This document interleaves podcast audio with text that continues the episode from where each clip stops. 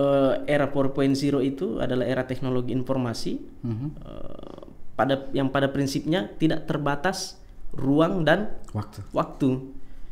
Apa yang kita tidak bisa lakukan, semua bisa dilakukan. betul, betul. Contohnya sekarang kita di sini, kita bisa menyapa mungkin teman-teman di luar sana di dalam studio ini kita sudah bisa sharing. Betul. Itu yang tidak ter- itulah yang salah satunya yang dimaksud tidak terbatas ruang dan Ruang dan waktu. waktu.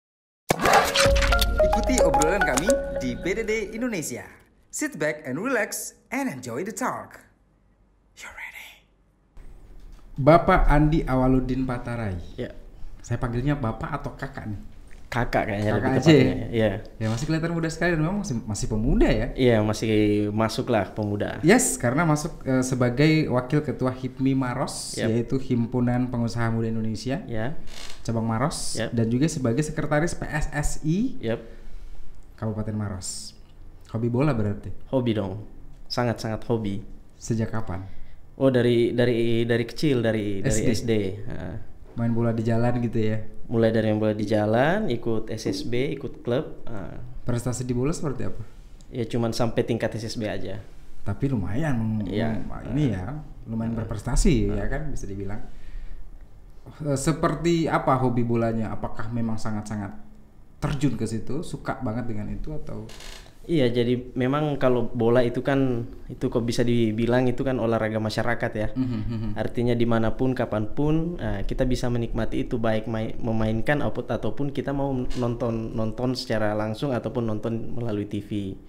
Nah, jadi memang sangat senang atau sangat hobi dengan bola dari kecil. Nah, Kalau eh, pemain bola fav- favorit siapa? Dari luar negeri? dari luar negeri, kalau yang lawas banyak ya. Yes, seperti Yang lawas seperti Roberto Carlos, Oke. ya. Mau yang lebih lawas lagi ada Ruth Gullit. Ruth ya. Gullit saya sudah tidak itu, mengenal itu. itu itu jauh sudah sangat apa sudah sangat lawas lah pemain Yes. pemain legendaris Oke. ya itu salah satunya nah kalau yang sekarang ya paling Lionel Messi Oke. ya Cristiano Ronaldo nah itu semua yang Dan sekarang yang paling favorit kan siapa? Eden Hazard Justru Eden Hazard. Tadi sebutkan Lionel Messi dan juga CR7, tapi justru Iya. ke paling favorit Eden Hazard Oke. ya Dari trik-trik bermainnya mungkin ya. ya memang dia punya skill dan punya kecepatan ya Mhm. ya Seperti itu kah? ya kurang lebih seperti itu Kita panggilnya ke awal ya. ya boleh Oke, ke awal. Jadi pada saat em, apa namanya melakukan hobi itu masih jalan sampai sekarang. Eh, masih masih jalan Pada saat kesibukan padat tetap masih menyempatkan masih diri gitu. ya menyempatkan bermain. Apalagi kalau sekarang kan itu saya lebih banyak lebih kepada mengurusi saja dari di apa di level manajemennya saja Bisa dibilang bahwa orang belakang Iya. layar gitu ya. artinya kita memastikan bagaimana iklim persepak bolaan di Maros itu tetap eh, berjalan dengan baik ya Oke. Eh, tetap hidup eh, euforianya tetap hidup kompetisi berjalan di mana-mana ya walaupun sekarang agak ada sedikit kendala karena Pandemi. Eh, pandemi.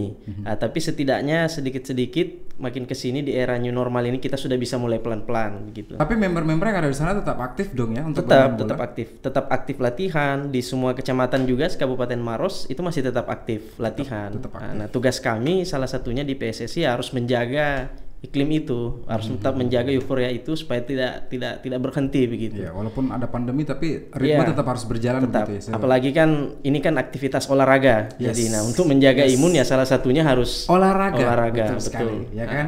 Baik, tapi kalau dari kacamata ke awal melihat perkembangan sepak bola di Indonesia seperti apa sebelum pandemi?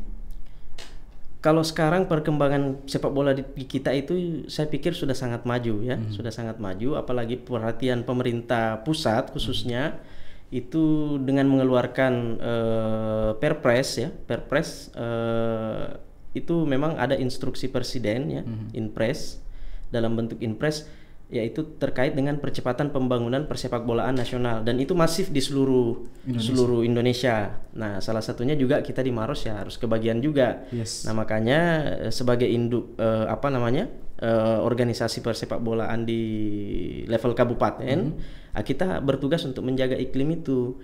Ah, karena pemerintah pusat juga dalam hal ini kita juga ini Indonesia ini punya target nanti 2022 ah, kita kan nanti kebagian tuan rumah. Dua tahun ke depan. Iya dua tahun dua tahun ke depan. Kalau kalau sesuai jadwal tidak ada perubahan nah, kita kan nanti akan jadi tuan rumah Piala Dunia. Hmm, Piala Dunia umur 20 kalau saya nggak ini salah ingat ya. Ya, kalau menurut Kak Awal kira-kira layak gak sih Indonesia sebagai tuan rumah di tahun 2022 itu?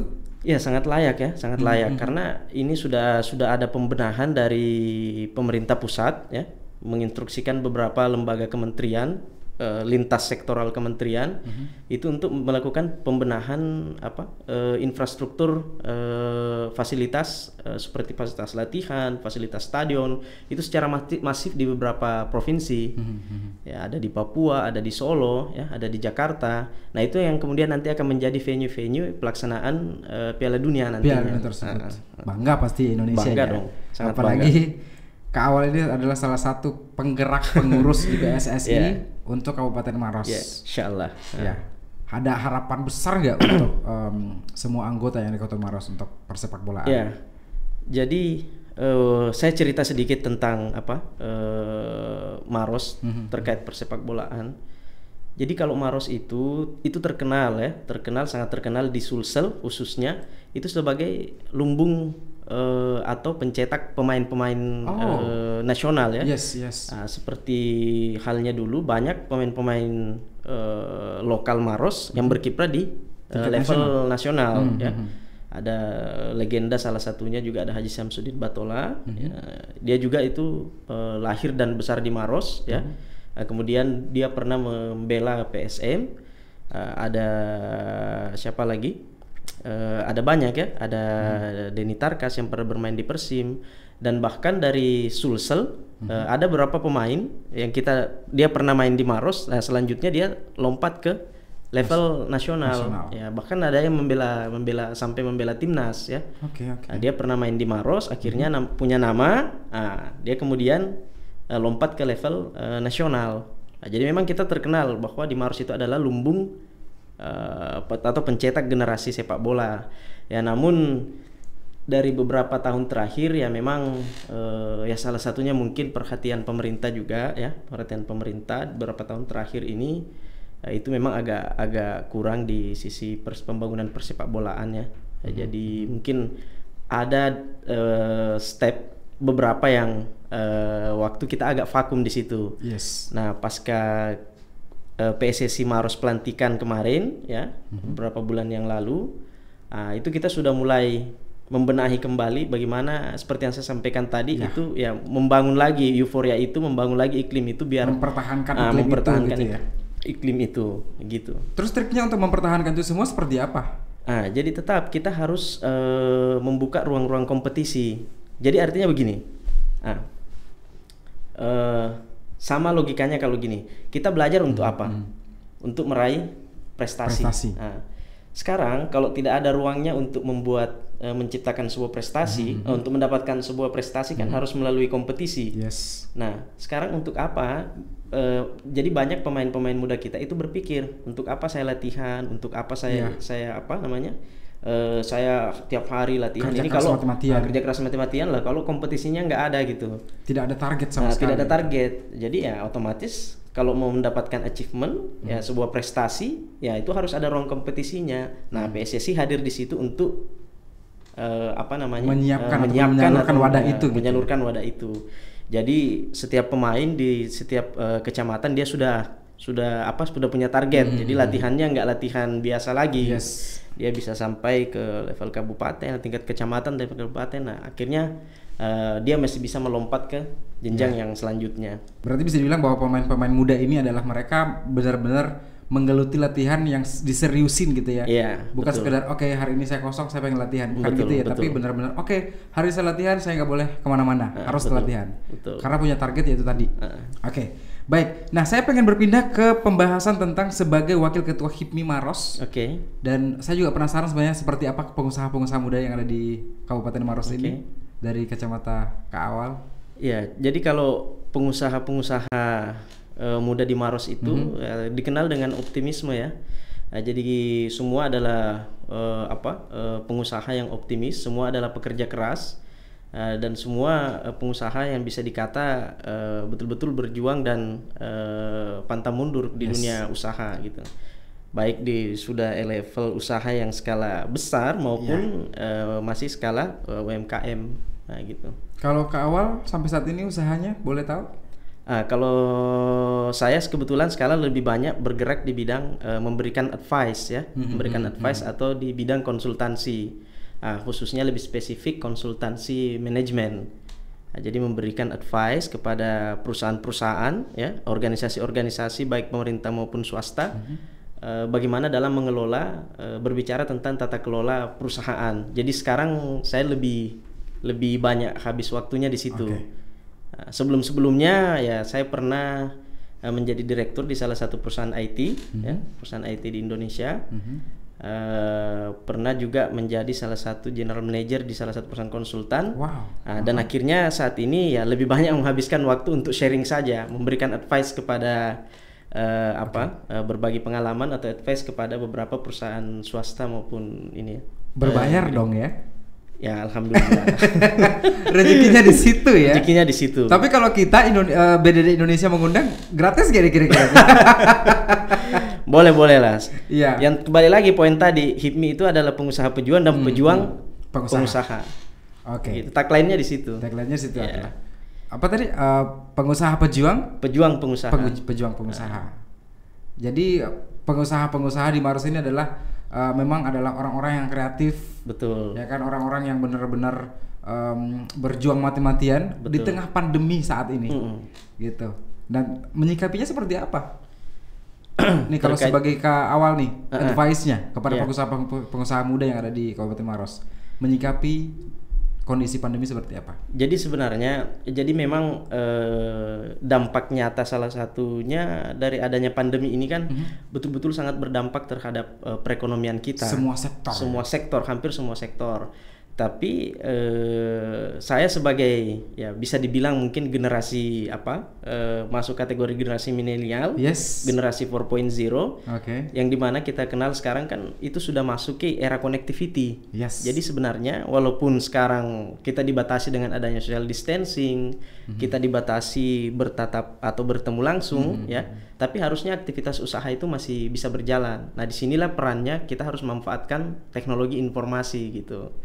Nah, jadi era connectivity ini eh, ya tetap kita harus menjalankan aktivitas usaha gitu. Seperti contoh misalnya kayak saya kemarin eh, salah satunya kan aktivitas saya adalah kan memberikan advice Yes. ya malah lebih sering itu keluar provinsi ya ke provinsi tetangga ataupun ke Jawa ataupun ke Papua sana nah pada saat ada pandemi kan itu sangat sangat terbatas, malah Terbatas. penerbangan tidak ada ya. Eh, mungkin hotel juga eh, industrinya lagi apa semua eh, dibatasi atau tutup ya. Nah akhirnya itu sempat tertahan beberapa eh, bulan. Ah, namun kita merubah model atau tata kelola kegiatannya. Nah, kita lakukan via Virtual. via virtual. Dan ternyata Oke. bisa. Nah itulah yang saya maksud tadi. Eh, itulah kita harus memanfaatkan teknologi informasi di era Yes, 4.0 ini. Mhm. nah, itu maksudnya Jadi seorang yang kreatif ini pengusaha-pengusaha tidak boleh tidak boleh ada halangan Yes. gitu ya Tidak tetap boleh harus jalan terus tidak boleh kehabisan akal gitu Nggak ya. boleh. Ada pandemi, tiba-tiba orang semua dirumahkan gitu Iya. kan. Tapi tetap harus melakukan peke- pekerjaan tersebut, ya tetap usaha jalan dengan mungkin dengan cara tadi ya itu virtual. yes. Ah, Berarti masih aktif dengan uh, kegiatan tersebut. masih masih Lebih enak ya. lebih enak malah ya. asal saja. jangan asal jangan lupa pakai celana aja bawaannya Tapi kan Sambil kelihatan, virtual. nggak kelihatan juga. ya kan? Da- di atasnya rapi, di bawahnya tiba-tiba Iya. boxeran. Ah, ah. kan banyak yang kejadian kan betul betul betul betul betul.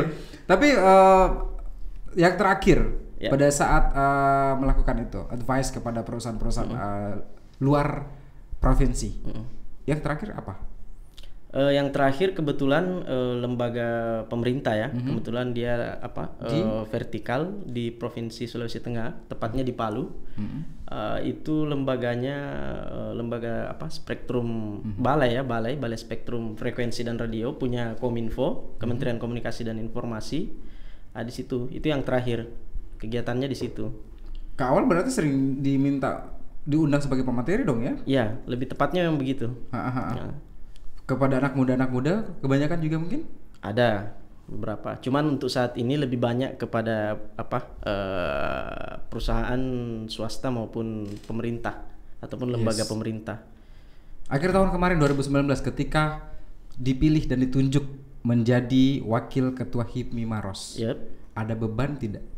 Oh, justru tidak ada beban ya. Justru saya semakin semangat. Artinya HIPMI ini kan sebagai wadah gitu. Wadah kita untuk bisa sharing, wadah kita untuk bertemu dengan para pengusaha-pengusaha muda satu sama lain. Ah, justru dari situ lebih timbul semangat lagi. Oke, untuk menghidupkan kembali. Menghidupkan kembali, eh, lebih tepatnya sebenarnya sharing eh, kepada teman-teman pengusaha yang lain gitu. Oke. Dan uh, kemarin sempat mengadakan seminar mungkin sebelum webinar. Sekarang kan zamannya webinar ya. Iya, webinar, benar. Ya, sebelum itu sempat mengadakan seminar mungkin pertemuan-pertemuan langsung dengan pemu- pemuda-pemuda selama menjabat sebagai wakil ketua HIPMI Belum, belum, belum sempat. belum Ya, sempat. Belum sempat. Tapi akan melaksanakan Akan itu melaksanakan tentunya. di era new normal ini Yes, ya di uh, Kabupaten Maros. Wow, kalau sekarang kan sudah ada anak lucu ya. Mm. Umur berapa sih? Ya, umur lagi lucu-lucunya malah, umur-umur 4 bulan. Empat empat Ya, bulan. 4 bulan. Artinya sudah bisa merespon, sudah bisa ketawa lah, sudah bisa Yes. senyum.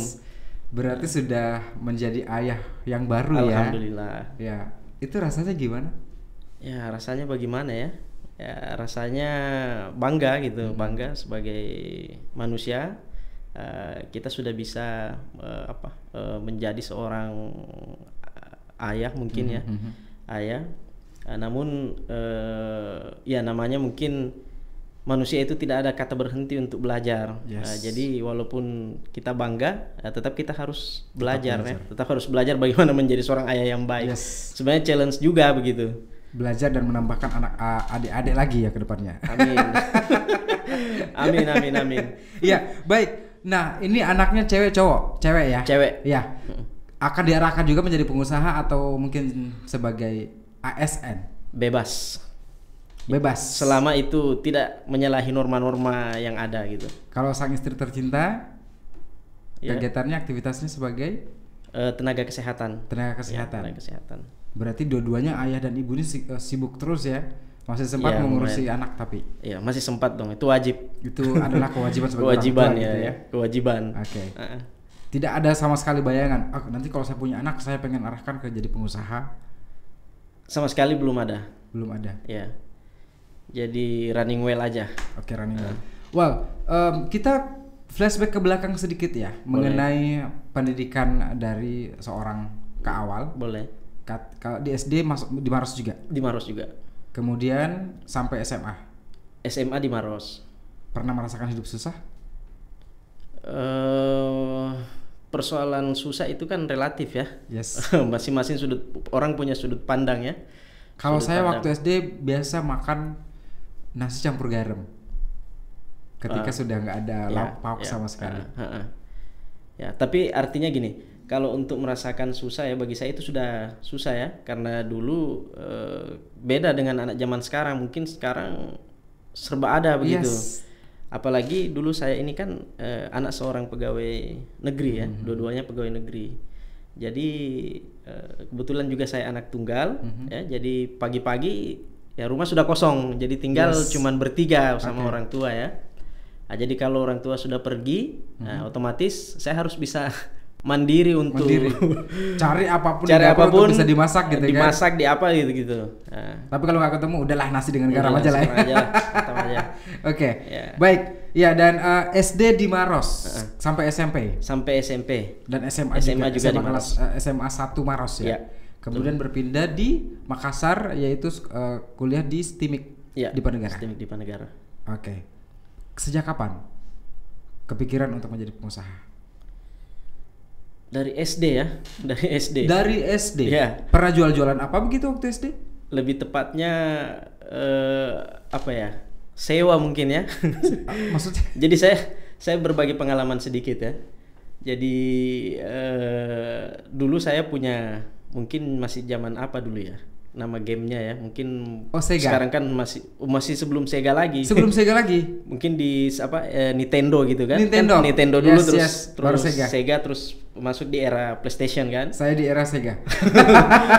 ah, dulu dulu kita ini apa eh, teman-teman itu banyak Hmm. yang mau main ya tapi mungkin belum punya kesempatan untuk eh, punya di rumah masing-masing Hmm, ya Nah, jadi kebetulan pada saat itu saya punya. Nah, akhirnya ya sudah, saya menyewakan itu seorang anak SD ya, Hmm, Yes. ya, Ya, punya pikiran untuk- sampai eh, Ah, disewakan aja lah ya. Ya, jadi bukan pelit ya, Yes. bukan pelit misalnya kita pelit sama teman nggak mau pinjemin tidak, tapi nggak tahu insting itu muncul Insting aja gitu. usaha menghasilkan duit aja Ya. waktu itu ya. Karena keuntungannya juga ya sama mungkin masih karena masih anak-anak Anak SD, ya, anak SD. ya kan? Ya jadi sebentar teman bayar main setelah itu ngumpul setelah itu sama makan sama-sama lagi jadi Jadi dibagi lagi, tapi jadi ada- bagi lagi sama aja. Yes, ada kepuasan sendiri ketika ada bayaran gitu ya, ya. jadi insting itu sudah ada sejak Sejak eh, SD. Sejak SD, benar. ada usaha-usaha kecil lain yang dikerjakan ketika sekolah dulu SMP SMP belum. Belum ya, nggak ada Nggak ada. kalau SMP nggak ada. Nah, itu aja pas SD kan nanti ak- aktif eh, di bidang usaha itu nanti pas masuk perguruan tinggi. Nah, Di- jadi sambil saya sudah kuliah itu sudah sambil sambil kerja. menjalankan usaha tersebut. Ya, Usaha apa waktu itu? event organizer.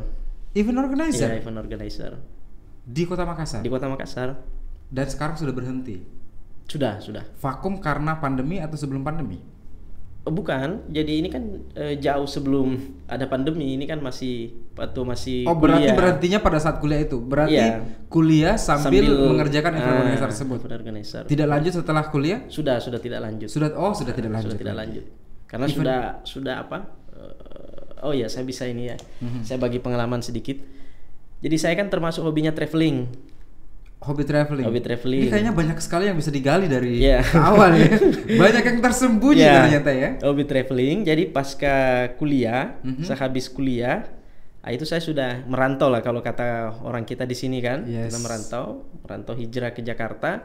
Jadi di pikiran saya pada saat itu bagaimana ya? Saya ini mendapatkan eh, saya bisa keliling eh, Indonesia gratis, Mhm. Gratis. gitu. Nah, melamar ke perusahaan ke sana ke sini. Nah, Akhirnya ketemulah salah satu perusahaan konsultan Mhm. Yes. ya, konsultan uh, melamar, ikut training dan akhirnya bisa. Nah, akhirnya bisa lulus. Mhm. Nah, dari situlah saya keliling Indonesia bisa dikata dari Sabang sampai Merauke gratis karena dibiayain kantor. Kalau dibiayain kantor. ya. Tujuannya ke situ memang untuk keliling gratis gitu Ya, ya. keliling gratis ya Travel modal gratis. modal utamanya ya ngomong aja gitu. Yes. Nah, sharing session aja ngomong. eh, Berkat kita sudah bisa, ngomong, akhirnya Ah. bisa keliling Indonesia dengan Betul, gratis. kita bisa keliling Indonesia dengan gratis. Alhamdulillah punya punyalah ada beberapa pelajaran pengalaman dari beberapa perusahaan yang perusahaan-perusahaan besar yang saya dampingi gitu. Oke, kalau hobi traveling berarti sudah mengunjungi beberapa objek wisata di Indonesia. Artinya belum semua tapi eh, mungkin eh, sebagian besar ya, sebagian besar sudah. Yang paling berkesan. Yang paling berkesan di mana ya? Eh, mungkin Oke, atau saya sebutkan beberapa. Raja Ampat sudah berkunjung. Oh, kalau Raja Ampat belum. Oke. Belum. Kalau Toraja udah pasti. sudah, sudah pasti. Eh, kemudian ya kita gak usah sebut Bali lah ya. Pasti Nah, sudah pasti. pernah dong. Itu nggak mungkin dong. Lombok Eh, Lombok juga sudah. sudah. Kemudian apa lagi ya? Eh, Kalau candi-candi ya, semua candi sudah dikunjungin? eh, sudah. Saya coba ini ya, mungkin oh salah satu tempat favorit ya, Mhm. mungkin salah satu tempat favorit. eh salah satunya di Jogja, Mhm. ya, di Jogja, di Taman Sari lebih lebih tepatnya. Mhm. Ya. Saya nggak tahu ya di situ karena mungkin apa? Dia punya nilai historikal sehingga tenang aja begitu. Kalau Mhm. lagi ada duduk-duduk di Taman Sari itu lebih lebih tenang nuansanya lebih Iya. tenang. Um, sama salah satunya di Sumatera Utara ya di Samosir lebih lebih Samosir. tepatnya, ya Yes. Nah, itu, Itu- beda sih itu lebih tenang juga di sana Ada apa di Samosir? Eh, karena dia lebih saya kan lebih tepatnya mengunjungi objek wisata yang dia mempunyai nilai historikal Oke. Samosir itu kan terbentuk karena itu kan sebuah kaldera yang terbentuk Hmm, di pecahan apa eh, gunung api dulu akhirnya terbentuk Yes. eh, apa Pulau Samosir itu. Ah. Pulau Samosir itu kan sebuah Ya. kaldera itu. Dan itu dulu kan historinya sampai apa letusannya itu sampai menggelegar sampai ke menyeberang Hmm. benua gitu. Akhirnya tercipta sebuah danau yang sangat besar gitu. Ini berarti eh, liburan ke objek wisata tapi tetap Sambil kerja. Yes, sambil kerja dan sambil, belajar. kerja, sambil belajar juga. Ada ada rencana nggak, ada plan nggak untuk mengajak sang istri tercinta untuk liburan bersama? Ada, tapi nanti biar biar si kecil sudah agak besar. Baru dibawa bertiga gitu ya liburan Yeah, bertiga. yes. Bulan madu kembali, pulang-pulang, akhirnya Boleh. Punya adik baru lagi. Mungkin ke situ Amin, kali amin. ya. Oke, baik. Traveling bola ini adalah sebuah kegiatan yang uh, Yes. menurut saya bisa membuat kita jadi refreshing, Hmm. refresh otak dari uh, kesibukan hiruk pikuk pekerjaan, Hmm. ya kan? Dan um, ada kegiatan lain nggak yang dikerjakan ataupun hobi yang lain yang ke awal biasa kerjakan? Ada ya hobinya Mancing, nggak hobinya lebih banyak ini aja lah bersosialisasi. bersosialisasi. bersosialisasi ketemu nongkrong sama teman sharing ngobrol, ya sharing lebih itu tentang isu-isu terbaru, yes ah. tentang politik. tentang politik salah satunya Berarti mengamati politik yang ada di Kabupaten Maros dan Sulawesi Iya. Selatan. karena kebetulan juga pengurus partai politik Oh begitu, makanya Iya. akan akan bergelut dengan itu semua. yes Oke, baik. Ke awal kita akan bermain games, boleh ya? boleh boleh oh, Iya. game apa nih Gamesnya tidak berat-berat. Saya tidak akan meminta ke awal menjaga gawang, karena itu bukan tantangan buat ke awal ya. Jadi games Boleh, kita boleh. adalah memilih cepat. Jadi akan saya bacakan dua pilihan, ke awal tinggal langsung menjawab di antara dua pilihan tersebut. Mm-mm. Tapi dengan cepat jawabnya. boleh insya Allah bisa Oke, baik. Pilihan atau pilih cepat. Memilih menggunakan kaos oblong atau kemeja kaos oblong karena lebih santai. lebih santai Kemeja pada saat ada acara saja mungkin. ya karena tadi ada agenda juga kan sebelumnya Oke. makanya pakai Kemeja. pakai kemeja Berarti kalau tadi nggak ada agenda datang langsung datang ke studio. lebih nggak- senang pakai kaos oblong Oke, kita undang lagi berikutnya ya. Tolong ingat harus pakai kaos oblong. Oke. Berikutnya adalah liburan ke mall atau ke pantai. pantai Ini udah, udah ketahuan ya. Tadi sudah dibahas juga hobi Iya. traveling. Tapi terakhir ke mall sama keluarga kapan? Kapan ya Sebelum pandemi. Pandemi awal sudah Maret. sudah sudah masuk new normal. Mungkin ya bulan kemarin lah. Bulan kemarin sudah Bulan sempat ke kemarin, yes. mall Sudah sempat. di Grand Mall Enggak di Makassar. di Makassar. Oke. Yes. Kalau ke mall itu biasanya ngapain aja dengan istri? Kalau ke mall bingung ya mau ngapain. sampai sampai di mall, saya cari kafe, minum kopi sudah. Anak nggak dibawa dong, karena Aduh, masih, ikut- kecil waktu itu. ya, masih kecil, betul. Yes, umur dua bulan waktu itu. Eh, bulan berapa? Tiga bulan lah, tiga bulanan. Ya. umur tiga bulan. Dan itu pada saat ke mall berdua saja itu ke bioskop kah? Enggak, kadang sama orang tua, kadang sama Oke, keluarga oke. gitu. Ngopi-ngopi, Ngopi aja. ngajak istri tercinta juga kopi juga. Enggak dia biarin aja urus urusan urusan cewek di mall. Belanja mau nyalon terserah ya, Terserah. silakan pergi ke salon. Iya. Saya pengen ngopi aja. Iya. Oh gitu. Berarti bukan tipe cowok yang bukan tipe suami yang menemani istri untuk belanja. Bukan. Takut malah suami justru yang belanja banyak daripada istri. yes. Yang berikutnya adalah musik luar negeri atau musik dalam negeri. Dalam negeri. Oke.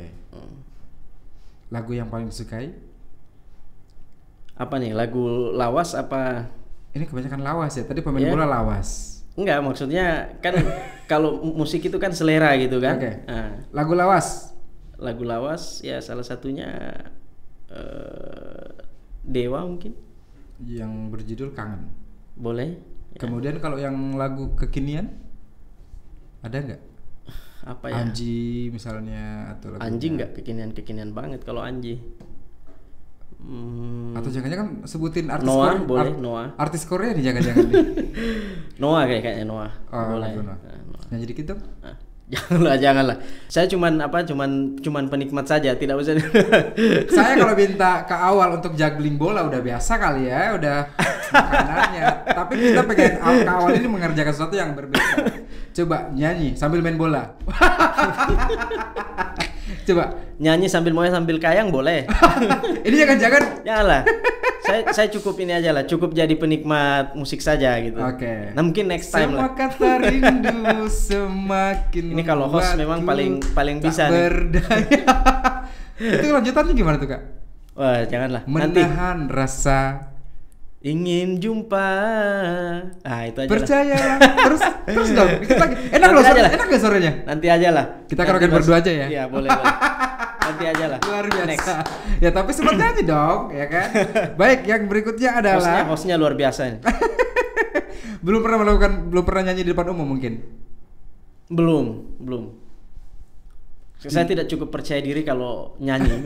mending pidato 7 jam daripada harus nyanyi satu lagu ya Iya. Oke, baik berikutnya adalah kerja pagi atau kerja malam. malam. Lebih suka kerja malam Ya, dibanding pagi. ya, Berarti kalau misalnya ada kantor, ke awal diminta untuk datang eh, rapat di sana, Mm-mm. pagi tetap datang karena kewajiban. ya pagi tetap karena kewajiban. Tapi kalau disuruh memilih antara malam dengan eh, pagi, mending pilih malam. Yang pilih malam. Alasannya?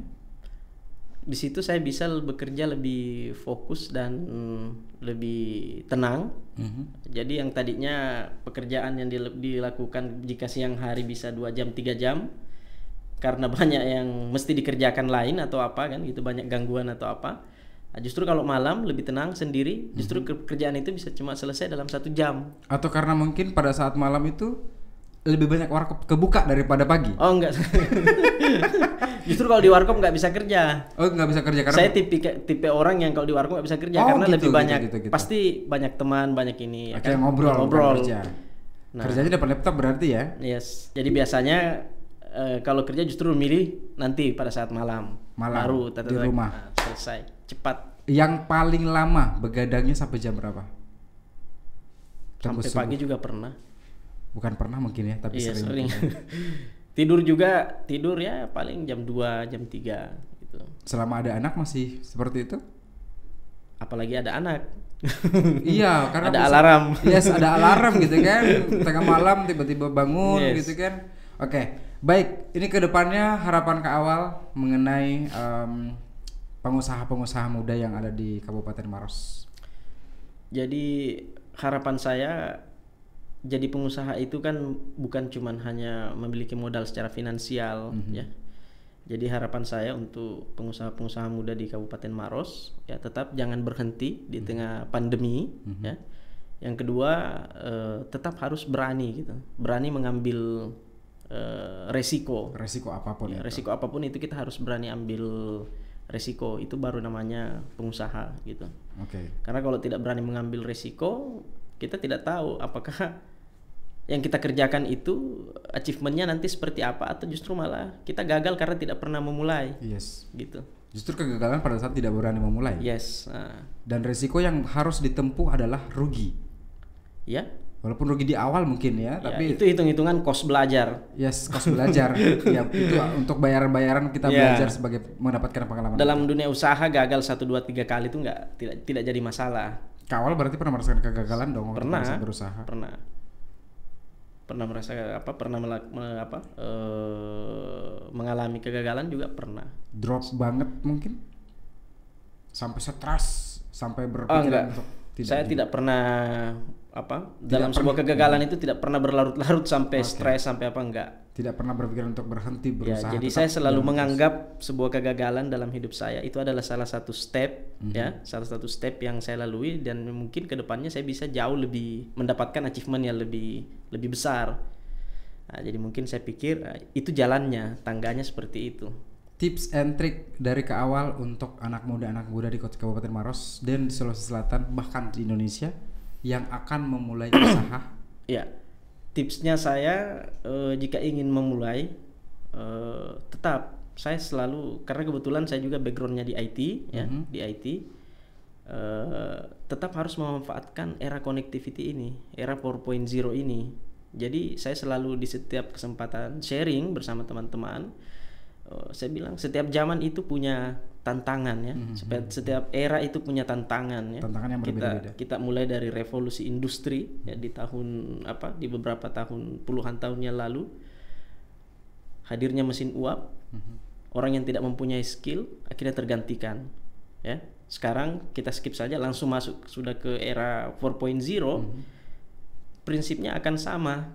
Nanti akan ada juga yang tergeser di orang di era yang orang tidak mampu mem- memanfaatkan eh, era 4.0 ini gitu yes Nah, salah satunya mungkin yang tidak memanfaatkan era connectivity nah, itu yang akan tersingkir nanti. Tapi insya Allah kalau tetap eh, apa memanfaatkan eh, era connectivity, teknologi informasi di era 4.0 ini, saya rasa itu yang akan bertahan untuk saat ini. Ya kita tidak tahu puluhan tahun ke depan akan ada era apa lagi ya.